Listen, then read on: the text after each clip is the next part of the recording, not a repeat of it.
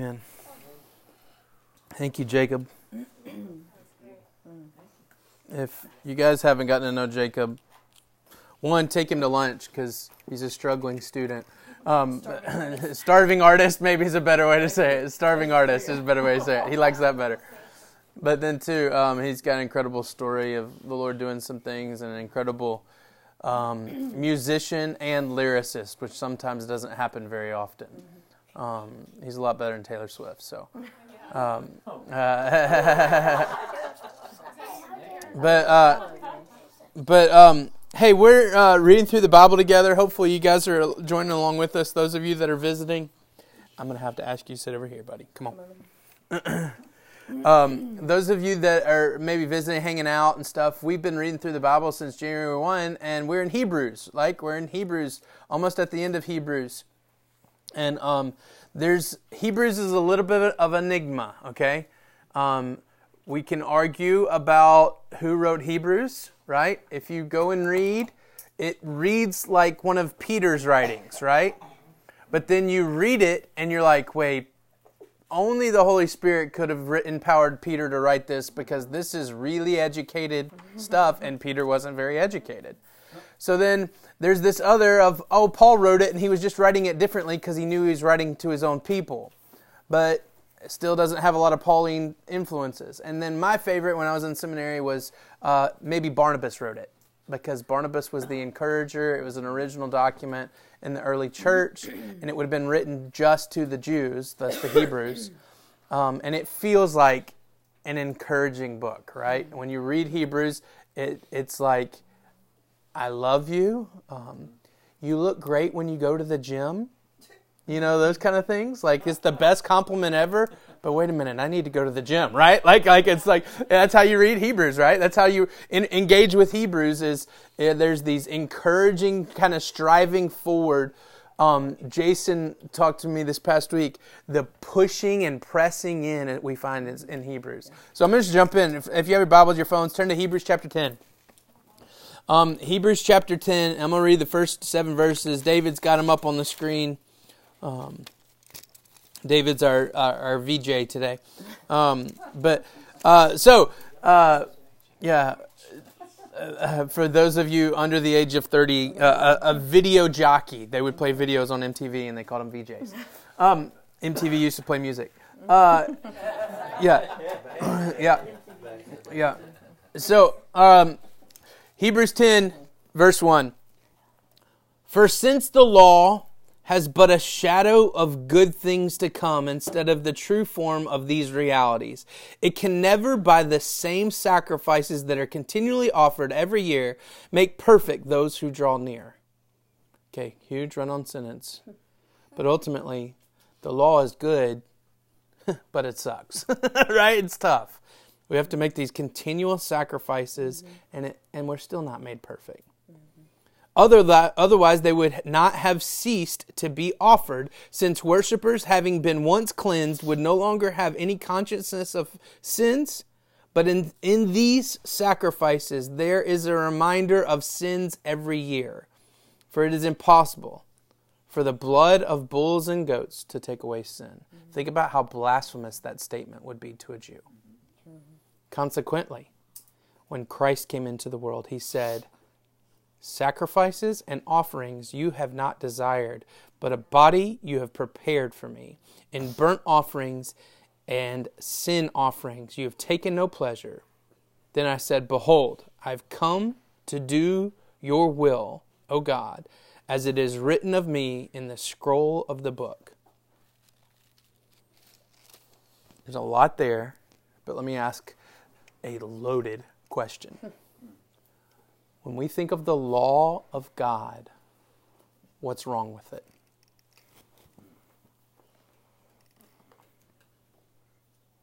In, in the simplest terms, with the law is a lot more complex than this, what's wrong with the Ten Commandments?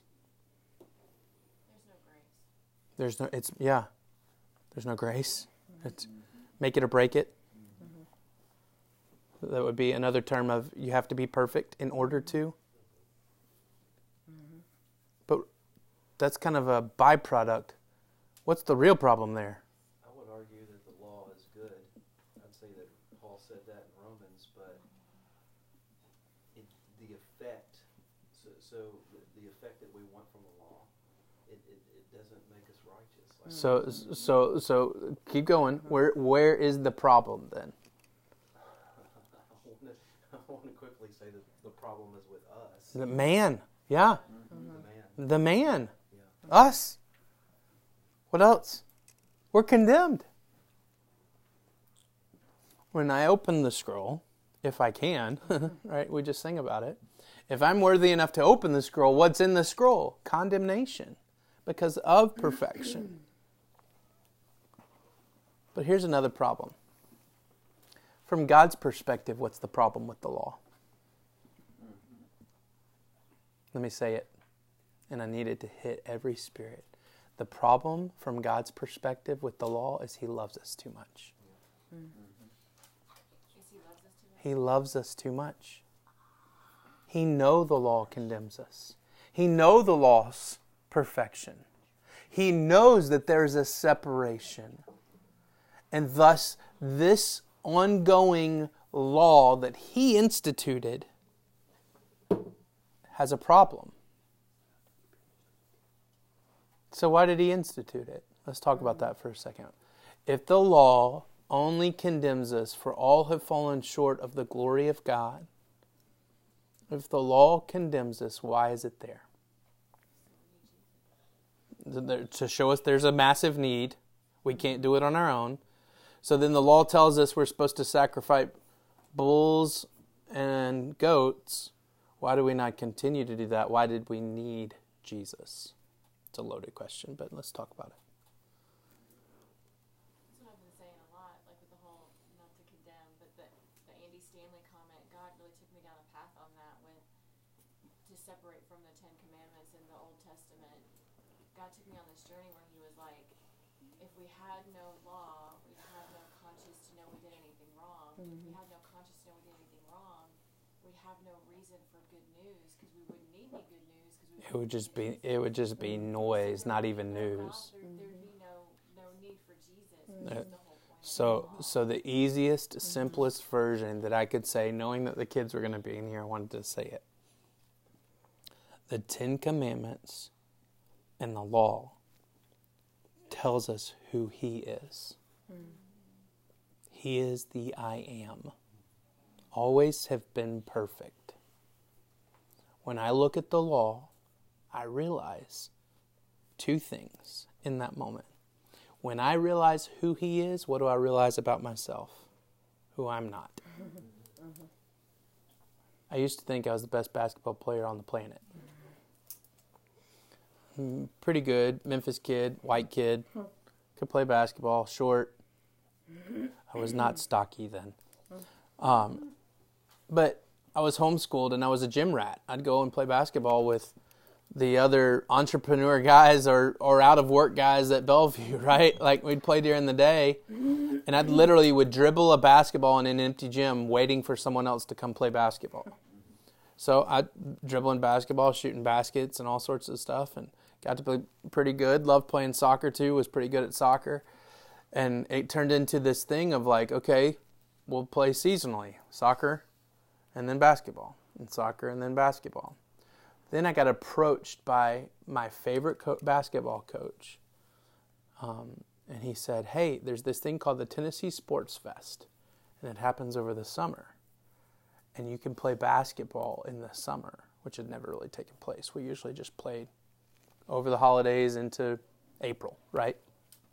And he said, um, I've got a cool name for the team. It's called uh, the Heat, and we're going to be the Heat. You want to play? And I said, sure. And he goes, okay, tryouts are this week. I'm like, tryouts? You just asked me to play. Wait, what's going on? So I go to play tryouts. I'm like, hey, these, these guys are pretty good. But I remember the tryout. I hit five of seven threes. And everybody's like, oh, that kid can shoot. And I'd probably never hit five of seven threes in my life like that. Right? And so get on the team. My parents are kind of ticked because now we have soccer practice and we have to travel to Nashville a couple times to go play basketball and stuff. And um, we go to a gym in Nashville, walk in the gym, and I see a kid walking out with a jersey that's not my jersey and he's got a mustache. And I'm like, oh, the older kids just got done.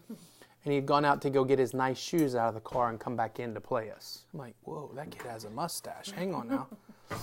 and they got a technical foul for dunking in the warm ups. You're not allowed to do that under hi- in high school and under. And they're dunking in the warm ups. I'm like, what's going on here? I did not play at all, sat on the bench the entire summer. Didn't even get in one game. And remembered thinking, I'm to play soccer from now on. Because in that, I realized who I am. But ultimately, I really didn't, I knew who I was. But I found this one kid out there that was a lot better than me, and I realized who he was, thus realized who I am. Okay? Self awareness is only realized by God's standard. Mm-hmm. And God's standard is perfection. He reads this, he says, Christ said, and it's actually funny. He says it in the, those few verses right there. He said, Here, I'll read it to you again. I think it's verse 4. No, verse 5. Consequently, when Christ came into the world, he said, Sacrifices and offerings you have not desired, but a body you have prepared for me. In burnt offerings and, sac- and sin offerings you've taken no pleasure. So God, when Christ entered the world, He said, "This is a struggle. This this ritualistic thing is not working." But we don't have documentation of Jesus saying this. However, we do have documentation in Psalm 40. You ever heard this before? He lifted me out of a miry pit, gave me a firm place to stand. Watch this Psalms 40. We don't know what the pit is. It could have been Bathsheba, it could have been while he was hiding from Saul, but King David wrote, I waited patiently for the Lord. He inclined to me, heard my cry. He drew me up out of the pit of destruction, out of the miry bog and set my feet upon a rock and gave me steps secure. He put a new song in my mouth, a song of praise to our God. Many will see and fear and put their trust in the Lord. Blessed is the man who the Lord trusts, who does not turn to the proud, to those who go astray after a lie. You have multiplied it, O Lord, uh, multiplied, O Lord my God, your wondrous deeds and your thoughts towards us. None can compare to you. And I will proclaim and tell them, yet they are more than can be told. Watch this. In sacrifice and offering, you have not delighted, but you have given me an open ear. Burnt offering and sin offering, you have not required. Then you said, Behold, I have come. In the scroll of the book that is written to me, I will delight in do your will, O my God, for your law is within my heart. In the moment of destruction, when the Lord's providing grace to David, he writes, The law only condemns me, but when you come close, it gives me a new song, a new encouragement. And you have put your law in my heart. Watch this. While we were yet sinners, mm-hmm. Christ died for us. For God so loved the world, he sent his only Son. In the law context, sinners are condemned. The world should not be loved. Watch this. God's law is the canvas for his love. God's law is the canvas for his love.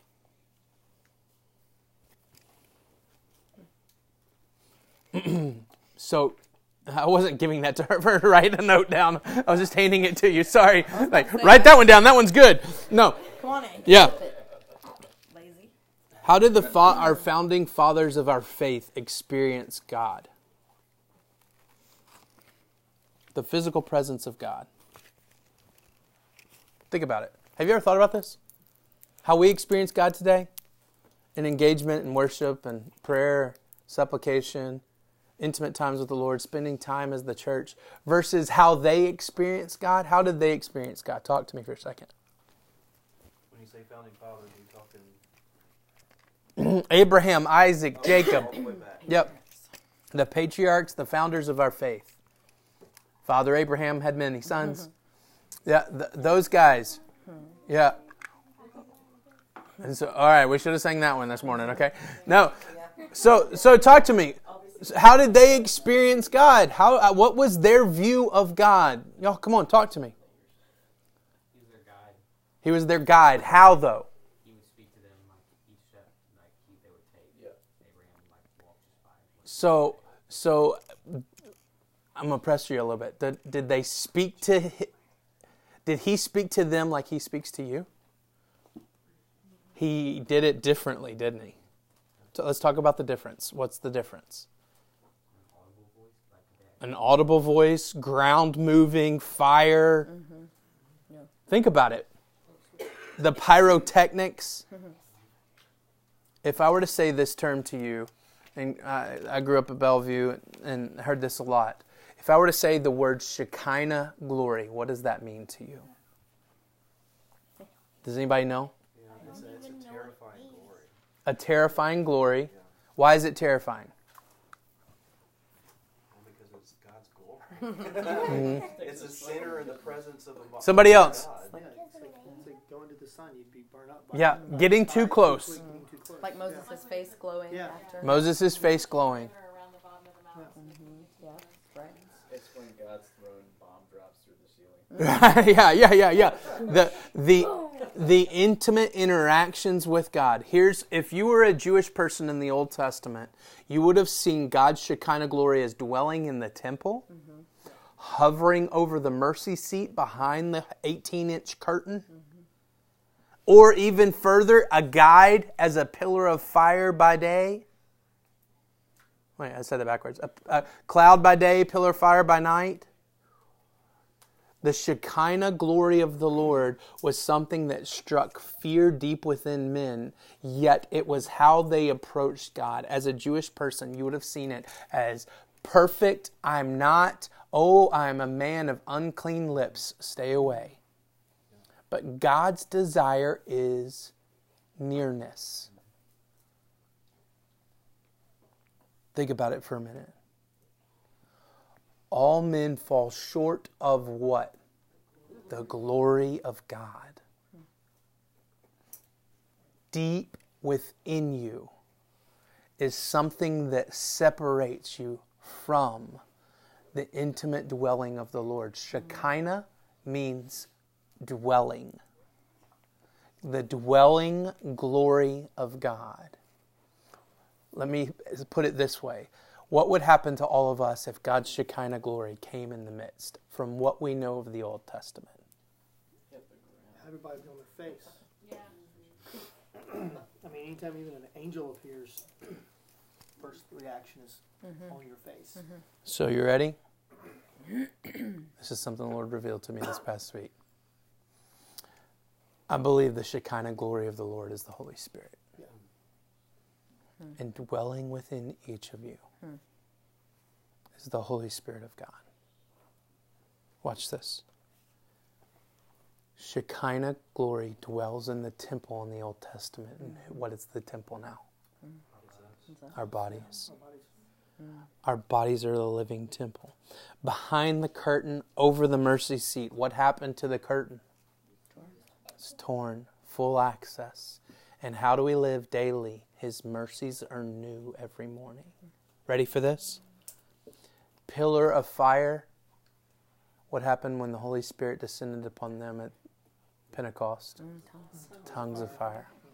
I genuinely, with everything, believe that the indwelling glory of the Lord resides in each one of us. And the reason why we don't fall flat on our face is because Jesus said, It's finished, it's done. Mm. Let's sit together a while. Watch. God's law is a canvas for God's love. No, what was the question? that Gina whispered as I'm. What? why don't we? Why don't we? If, if that's the case, I'm not. I'm whatever. Yeah. Why don't I we? totally believe it. I'm just Why don't bummed. we? Why don't? Why don't we? Why don't we fear him more? So, ready? What are walks like that? Like you know, like what I'm what profound, what I'm profoundly aware of as we're doing the chronological Bible, like going through the Old Testament, is um, everyone else knew the glory of God, but the people that had God, you know, Mhm. like the in every battle, like ev- uh, everyone else, all the enemies knew how great God was, but we uh, we're like the ones that keep forgetting. Well, so I, I, I'll say it this way, and it'll be funny. So we walk around defeated. So, all the time. so I know how beautiful my wife is, but I can take it for granted every day because I'm with her so intimately, right? But there's moments where I realize how beautiful she is that I'm overwhelmed. Like I tricked the world, right? Like, right? So watch. I think because of the nearness of the Lord, uh, this I use this as an example. I, th- I don't know if it was during while I was teaching. There's this incredible artist in um, uh, uh, uh, um, Paris. Thank you. Sorry, this artist in Paris, and he he he is a local artist, but he just despises, absolutely hates, and most artists hate the Eiffel Tower if they live in Paris. They don't like it, right? So they hate the Eiffel Tower. And but he resides and does all his paintings and drawings at the base of the Eiffel Tower. And hey, finally somebody says, "If you hate it so much, why are you here?" He goes, "It's the only place in Paris I can't see it." That he can't see it. So watch this. When we are near to the Lord, I think sometimes it's easy for us to forget the glory of God. When He speaks to me as a friend, mm. I can lose that. But watch, let me say this. The indwelling of God in you through the Holy Spirit is the greatest example of the daily operation of God's law and life in your or love in your life at the exact same moment God is loving you, His law is fully present. We like to separate them, and we even like to separate them in Old and New Testament. I would much rather have the love than the law, right? In all of our minds. That's the reason why we say the new covenant. And the new covenant is true. It's very clear. It's an it's it's what how God orchestrated them. But neither are less. They're both at the exact same time. In order for God to be good, the law has to be fully there.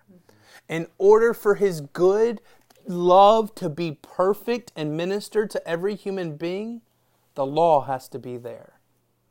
The reason why God's love is so pure and perfect is because of the law. Well, I'll say it again. The law is the canvas on which God paints the love. The Old Testament saw it and experienced it and fully operated in the law. We have this indwelling because of what Jesus did, and he did it once and for all. Watch verse 8. When he said above, You have neither desired nor taken pleasure in sacrifices and offerings and burnt offerings and sin offerings, these are offered according to the law. Then he added, Behold, I have come to do your will. He does away with the first in order to establish the second. And by that we have been sanctified through the offering of the body of Jesus once and for all. He's not abolishing the law here, he's abolishing the practice of sacrificing on a daily ritual basis. Verse 11. And every priest stands at daily at his service, offering repeatedly the same sacrifices which can never take away sin. But when Christ offered uh, for all time a single sacrifice for sin, I love this. He sat down at the Father's right hand. What are the priests doing at that moment? They're busy standing, doing the sacrifices, but the one sacrifice is seated, chilling with the Lord, right? I love it. Watch this. Waiting for the time until his enemies should be made his footstool. Not only is he chilling, he's waiting to put his feet up. For by a single offering, he has perfected for all time those who have been sancti- who are being sanctified. And the Holy Spirit bears witness to us, for after saying, This is the covenant that I will make with them after those days, declares the Lord. I will put my laws in their hearts and write them on their minds. And then he adds, I will remember their sins and their lawless deeds no more. Mm. Where there is forgiveness of these, there is no longer an offering of sin. Oh, family, please see it. God's law is this canvas for God's love. But then he's quoting Jeremiah 31. Jeremiah is speaking to the nation of Israel and saying, Hey, listen, this morning, because they're in exile, they're refugees. This morning that we're going through, because we no longer have this place because of all the death, joy is coming. And then he transitions and says, It's coming in the form of a new covenant. And he starts to speak about Jesus, and no one knows that he's speaking about Jesus. If God's law is the canvas for God's love, my body is the canvas for his love. Because God's law is represented in the temple, the Shekinah glory shows up in it. David writes when he's in a pit. Jeremiah writes when he's in exile. And they both speak to the law as being a footnote to what's to come. Mm-hmm. Watch this. Hurts and hang ups in our lives are avenues of love for the new covenant of joy. David had to walk through the pit Jeremiah and the nation of Israel had to walk through the exile so that, yeah, so that Jesus could fix it, so that Jesus could redeem it, so that Jesus could make it new so that we could use it. Ready for this? All things work together for good. That which Satan intended for harm, God intends for good. It's easy to look at the Old Testament and separate ourselves from this. But whatever the thing is that you're going through right now, it's an avenue of love for the new covenant of joy. Sorrow and mourning may last for the night, but joy comes in the morning, and He is the bright and morning star. Mm, this is big. This was something the Lord used to minister to me, and we put it on the screen too. Without my sin, I have no story, but without God's love, I have no life. God uses my sin to display his story of love that brings me abundant eternal life. I have no story without the sin that's in my life. I walked with God in the cool of the day, right? I continue to walk with God in the cool of the day. I continue to walk with God in the cool of the day. And of course, the story is re- Him sharing and revealing more of Himself. But when sin enters the world, the thing that the enemy intended to harm, God redeems to the point where sin becomes the story not the story that we focus on the evil, the story by which God takes away, redeems, and makes all things new. I don't want a God who's just good at birthday parties. I want a God who's good at funerals too. Mm-hmm. He's good at taking dead things and making them life, and He's good at taking life and making it eternal. Do you see it? Verse 19. Therefore, brothers, okay, old pastor talk. It's therefore, what's it there for? Hebrews 10. You could probably back up all the way to about Hebrews 7 and a half. In the middle of Hebrews 7, he starts into this ongoing interaction about who Jesus is and who we are, and this great high priest, and how we no longer have to have these holy places, and there's this new covenant. But then he says, therefore. Thank you. Mm-hmm. This idea that something's shifting at this moment. God uses these things, these old covenant ways, to establish his new covenant of love so, therefore, brothers, we have confidence. Think of the Shekinah glory. It shows up in this place. Many of us want to run and get out. But he's saying, nope, that now resides inside of you. God's written that on your heart.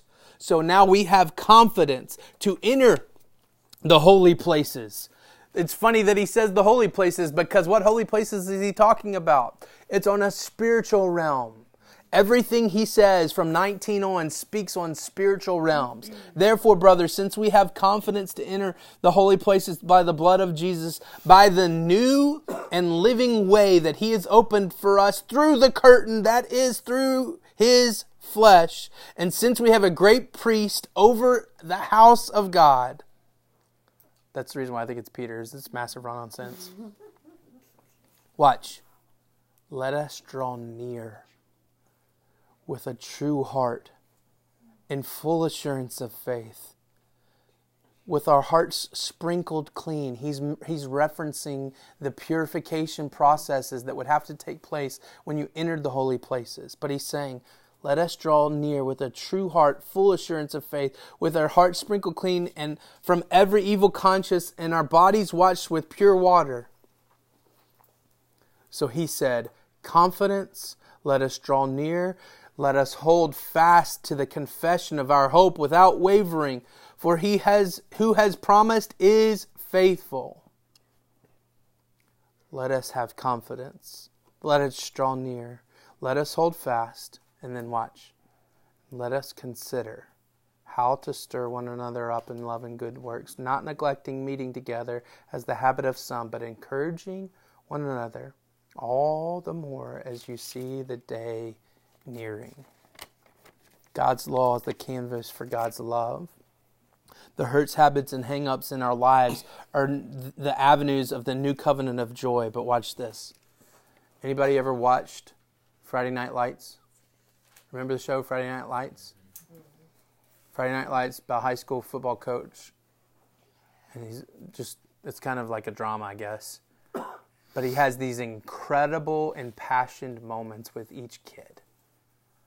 And then they're about to go out. And he kept saying over and over throughout the series, he would look at them and say, clear eyes, full hearts. And just like a whole bunch of high school dudes, they'd go, can't lose! And then they'd run out and storm. I was like, clear eyes, full hearts, can't lose. Mm. Ready? That's what the therefore is for. Mm-hmm. Clear eyes, full hearts, can't lose. Watch this. Because we can see the law and love, what it has done in our lives, we have clear eyes. We can see God's law, we can see God's love. And because we understand he has filled us with Himself, we have full hearts. So, because we can see and because we are filled, we have confidence in holy places that we belong. We have a life to live differently because the curtain is torn. We have the f- access to the Father who's the greatest high priest, or because of the greatest high priest. We can draw near to him because he's the greatest high priest. Our hope and our promise given is a, given by the promise keeper, and we have each other to keep focused as the day nears.